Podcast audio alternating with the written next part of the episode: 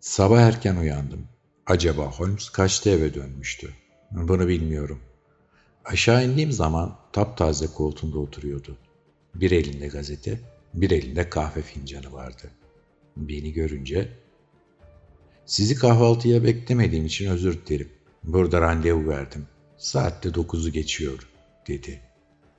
''İyi ettiniz.'' dedim. ''İşte kapıda çalındı.'' Bizim banker geldi. Fakat öyle değişmişti ki geniş aplak yüzü incelip uzamış ve sanki saçları beyazlamıştı. Bir gün evvel ne kadar hiddetli ve coşkunsa şimdi perişan ve bitkindi. Acınacak haldeydi. Bir koltuk çektim. Çöker gibi oturdu. Acaba ne günah işledim, Allah bana bu azabı çektiriyor, dedi. Daha iki gün evvel huzur ve sükun içinde yaşayan mesut bir insandım. Bugün şerefsiz, kimsesiz bir insanım. Felaket yalnız gelmezmiş. Ne oldu? Mary gitti. Holmes doğruldu. Gitti mi? Evet, bu sabah yatağı bozulmamış, odası boştu. Masanın üstünde bana yazılmış bir mektup duruyordu. Gece ona, öfke arasında ve oldukça sert, eğer oğlumla evlenseydin bütün bunlar başımıza gelmezdi, demiştim. Keşke söylemeseydim. Bu sözüm üzerine bu mektubu yazmış. Buyurun, okuyun. Sevgili amcacım, felaketinize sebep olduğumu anlıyorum. Başka türlü davrandıysam başınıza bu felaket gelmeyecekti. Bunu hissettikçe yanınızda rahat edemeyeceğim. Bunun için bir daha gelmemek üzere gidiyorum. İstikbalimi düşünmeyin. Hiçbir şeye ihtiyacım yok. Beni de sakın aramayın. Hem beyhude zahmet hem de bana kötülük yapmış olursunuz. Ölünceye kadar sizi sevecek ve sayacak olan Mary. Derin bir sessizlik oldu. Biraz sonra banker sordu. Bu mektuba ne diyorsunuz Bay Holmes? Sakın Mary intihar etmesin. Hayır, hayır. İntihar bahis mevzu olamaz. Mary'nin yanınızdan gitmesi hayır alametidir. Nasıl olur? Bay Holder, dertten kurtulmak üzeresiniz. Sahi mi söylüyorsunuz Bay Holmes? Sahi söylüyorum Bay Holder.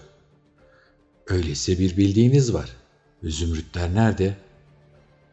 Holmes sakin fakat hafif gülümseyerek Zümrüt başına bin sterlin verir misiniz? Çok mudur? Holder haykırdı. On bin veririm. On bine gerek yok. Üç bin sterlinle iş halledilir. Bir miktarda mükafat olarak verirsiniz. Hay hay, seve seve. Çek defteriniz yanınızda mı? Yanımda. Banker çek defterini çıkardı. Holmes kalem verdi. Dört bin sterlin yazın, yeter. Banker çeki yazıp imzaladı. Holmes masasının gözünden üstünde üç zümrüt bulunan bir altın üçgen çıkarıp masanın üstüne attı. Banker sevinçle haykırıp zümrütleri kaptı. Buldunuz, demek buldunuz. Kurtuldum, çok şükür kurtuldum. Bir an evvel ne derece meyussa şimdi o derece neşeliydi. Zümrütleri bağrına bastırıyordu. Holmes gayet ciddi. Bir borcunuz daha var Bay Holder. Holder hemen kalemi aldı. Borcum ne kadar? Söyleyin yazayım. Hayır, bana hiç borcunuz yok. Fakat asil ruhlu oğlunuzdan özür dilemelisiniz. Bunu borçlusunuz. Eğer oğlum olsaydı böyle bir meselede onun davrandığı gibi davranmasını isterdim. Holder'ın gözleri açıldı. Zümrütleri çalan Arthur değil mi? Dün söylemiştim, bugün tekrar ediyorum. Değil. Emin misiniz? Evet, eminim. Öyleyse hemen gidip ona zümrütlerin bulunduğunu haber verelim. Haberi var. Ya, kim haber verdi? Ben. Oğlumu gördünüz mü? Meseleyi anlattıktan sonra Bay Arthur'la görüştüm. Kendisi hiçbir şey söylemek istemediğinden her şeyi ben kendisine söyledim. Doğru söylediğimi tasdik etti. Ondan sonra az çok karanlık kalan bazı noktaları izah etti. Ee, şimdi ne olacak? Bize verdiğiniz haber üzerine belki size de açılır. Allah aşkına bana her şeyi anlatın. Her şeyi anlatacağım. Hakikati nasıl meydana çıkardığımı öğreneceksiniz. Söze en acı tarafından başlayayım. Kuzeniniz Mary ile Sir George Burnwell suç ortağıydılar. Beraber kaçtılar. Bay Holder kulaklarına inanamıyordu.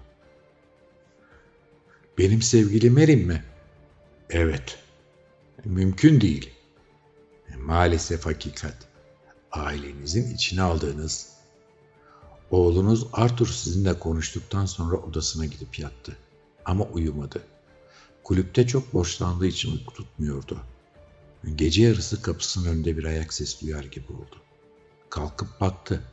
Bir de ne görsün? Mary usulca sizin büronuza giriyor. Şaşaladı. Hemen gömleğiyle pantolonunu giydi, bir köşeye gizlenip bekledi. Biraz sonra Mary çıktı.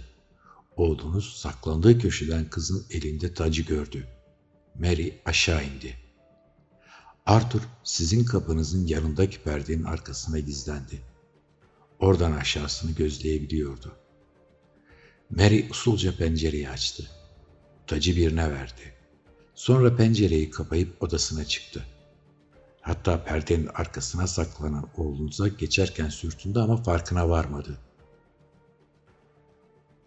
Arthur sevdiği kızı ele veremezdi. Fakat Mary odasına girince oğlunuz başına gelecek felaketi önlemek için olduğu gibi yalın ayak merdivene indi. Pencereyi açtı, karlara atladı ve ahır yolunda görünen ve ay ışığında ilerleyen birine doğru koşmaya başladı. Sir George Bronwell kaçmaya çalıştı ama Arthur yakaladı. Elini taca attı, çekti. Bir yandan o, bir yandan Bronwell çekti. Çekiştiler. Sonra yumruklaştılar. Oğlunuz Bramwell'ın gözüne öyle şiddetli bir yumruk vurdu ki göz çürüdü ve bu aralık bir şey çatırdadı. Arthur tacı aldığını fark edince eve koştu. Pencereyi kapayıp odanıza çıktı. Tacın büküldüğünü orada fark edince düzeltmeye uğraştı. Bu sırada siz girdiniz. O adamın nasıl bir adam olduğunu sizin kadar oğlunuz da bilmiyordu. İngiltere'nin en tehlikeli adamıydı. Müthiş bir kumarbaz sosyete dışı edilecek bir ahlaksız, sefil bir vicdansız. Bayan Mary böyle insanları bilmez, tanımaz. Mary'e her kıza ve kadına yaptığı gibi kur yapmaya başladığı zaman Mary ihtar etti. Bramwell'ın ilk aşık olduğu kız kendisidir sanıp gurur duydu. Kızı nasıl kandırdığını, neler söylediğini şeytan bilir. Fakat Mary o adamın elinde oyuncak olmuştu her gece buluşuyorlardı. Bembeyaz olan banker inledi. İnanmam, inanmak istemiyorum. O gece sizin evde olup bitenleri anlatacağım. Siz odanıza girince Mary odasından usulca çıkıp aşağı indi. Ağırlara giden yolun üstündeki pencereden aşığıyla konuştu. Sir George'un ayak izleri karda pek iyi görünüyordu. Uzun zaman pencerenin altında durduğu Vücudu da ağır olduğundan ayakları iyice kara gömülmüştü. Mary ona taştan bahsetti. Bunu duyan George'un gözlerini para hırsı bürüdü. Mary'e boyun eğdirdi. Mary'nin sizi saydığına, çok sevdiğine şüphe yok. Fakat bazı kadınlarda aşk bütün muhabbetlerden üstündür. Mary de bu kadınlardan biriydi. Sir George Bramwell'ın talimatını dinledikten sonra sizin merdivenden indiğinizi gördü. Pencereyi telaşla kapayıp hizmetçinin tahta bacak sevgilisiyle gizlice buluştuğunu söyledi. Bu iftira değildi. Banker mırıldandı. Olur şey değil. Ama oldu. Girdiniz ve ona hırsız dediniz. Halbuki o size iyilik ettiğini düşünüyordu. Fakat Mary'i ele vermeden hiçbir şey söyleyemez işi izah edemezdi. O anda Mary hakkındaki isteri ne olursa olsun mertçe davrandı ve sustu. Bay Holder'ın sesi kükredi. Boşuna değil, tacı gördüğüne bayıldı. Ben ne budalaymışım. Zavallı oğlum. Beş dakika dışarı çıkmak istedi. Çekiştikleri yere gidip tacın kopan parçasını arayacaktı.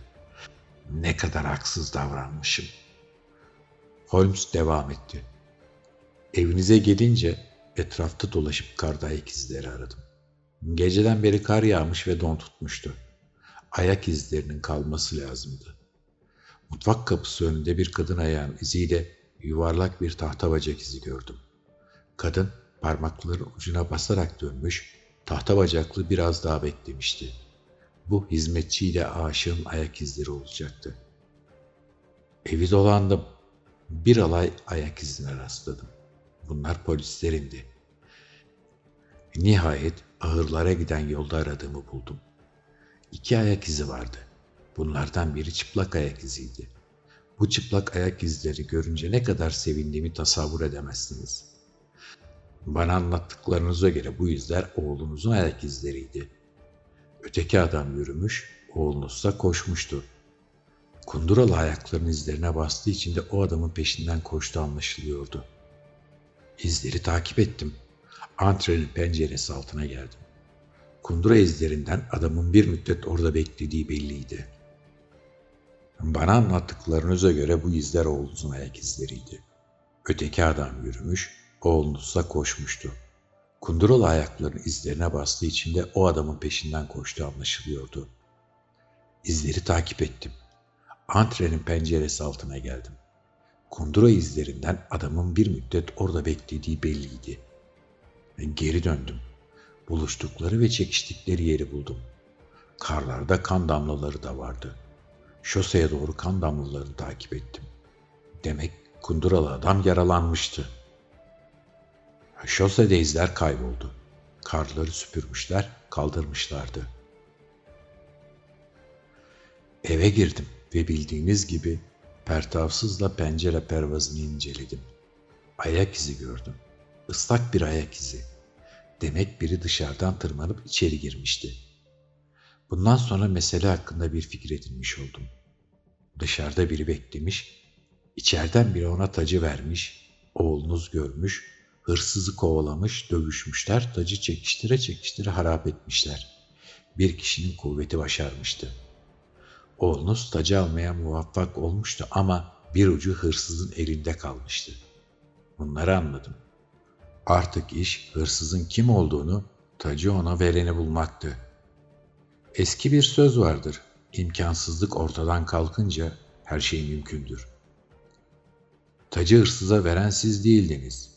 Geriye Mary ile hizmetçiler kalıyordu. Ama bu işi hizmetçiler yapsaydı oğlunuz onların yerine kendini itham ettirmezdi. Arthur Mary'i seviyordu. Onu ele vermek istememesi akla yatkındı. Mary'i o pencerenin önünde görmüştünüz. Mary tacı görünce bayılmıştı. Bir ihtimal hakikat verdi. Ya hırsız kimdi? Herhalde sevgilisi olacaktı. Yoksa başka hiçbir kuvvet ona bu işi yaptıramaz. Amcasına bu şekilde ihanet ettiremezdi. Pek az görüştüğünüzü, ahbaplarınızın sayısının az olduğunu biliyordum.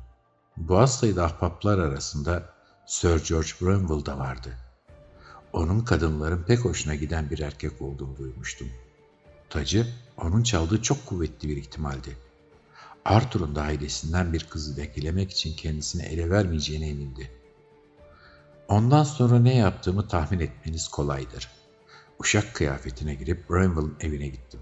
Uşağıyla ahbap oldum. Efendisinin eve yüzü gözü kan içinde geldiğini öğrendim. Ve nihayet altı pens verip Sir Bramwell'ın bir çift eski ayakkabısını satın aldım. Koşa koşa Stertam'a döndüm. Kardaki ayak izlerine kundurularını koydum. Tıp atıp uydu. Bay Holder başını salladı. Dün gece ahır yolunda üstü başı pejmürde bir serseri gördüm. Holmes güldü. o serseri bendim. Hırsızı bulduktan sonra evime geldim. Durum çok nazikti. İşe polisi karıştırmamak şarttı. Rezalet duyulursa sizin için hoş bir şey olmazdı. Öte yandan hırsız dört başı mamur bir sefihti. Bu durumdan elinden geldiği kadar faydalanacaktı. Gittim, görüştüm. Evvela inkar etti. Olup biteni tafsilat ve ayrıntısıyla anlatınca işi serkeşliğe döktü. Duvarda asıl duran bir labutu kaptı. Bereket versin tedikteydim. Tabancamı çevirip şakana dayadım. Aklını başına topladı. Zümrütleri satın alırım dedim. Hemen sordu. Kaça? Üçünü üç bin sterline. Bunun üzerine acı acı başını salladı. Eyvahlar olsun. Neden? Ben üçünü 600 liraya sattım. Kime? Söyleyemem. Söyleyin, hakkında kanuni hiçbir muamele yapılmayacaktır. Söz veriyorum. Bunun üzerine söyledi. Ben derhal oraya gittim. Uzun çekişme ve pazarlıktan sonra 3000 sterline aldım zümrütleri. Ondan sonra oğlunuzu bulup işi hallettiğimi haber verdim. Saat sabahın ikisi olmuştu. Uyumaktan başka yapacak işte kalmamıştı. Uykuyu da doğrusu hak etmiştim. Banker kalktı. İngiltere'yi bir rezaletten kurtaran bir gün bu. Size nasıl teşekkür edeceğimi bilmiyorum. Fakat minnet borcumu ödemeye gayret edeceğim. Şimdi müsaadenizle oğluma gideyim. Ondan özür dileyeceğim. Mary'e de çok acıdım. Onu nerede bulabileceğimi söyleyebilir misiniz? George Bloomwell neredeyse onun da orada olması icap eder. Kabahati çok büyük.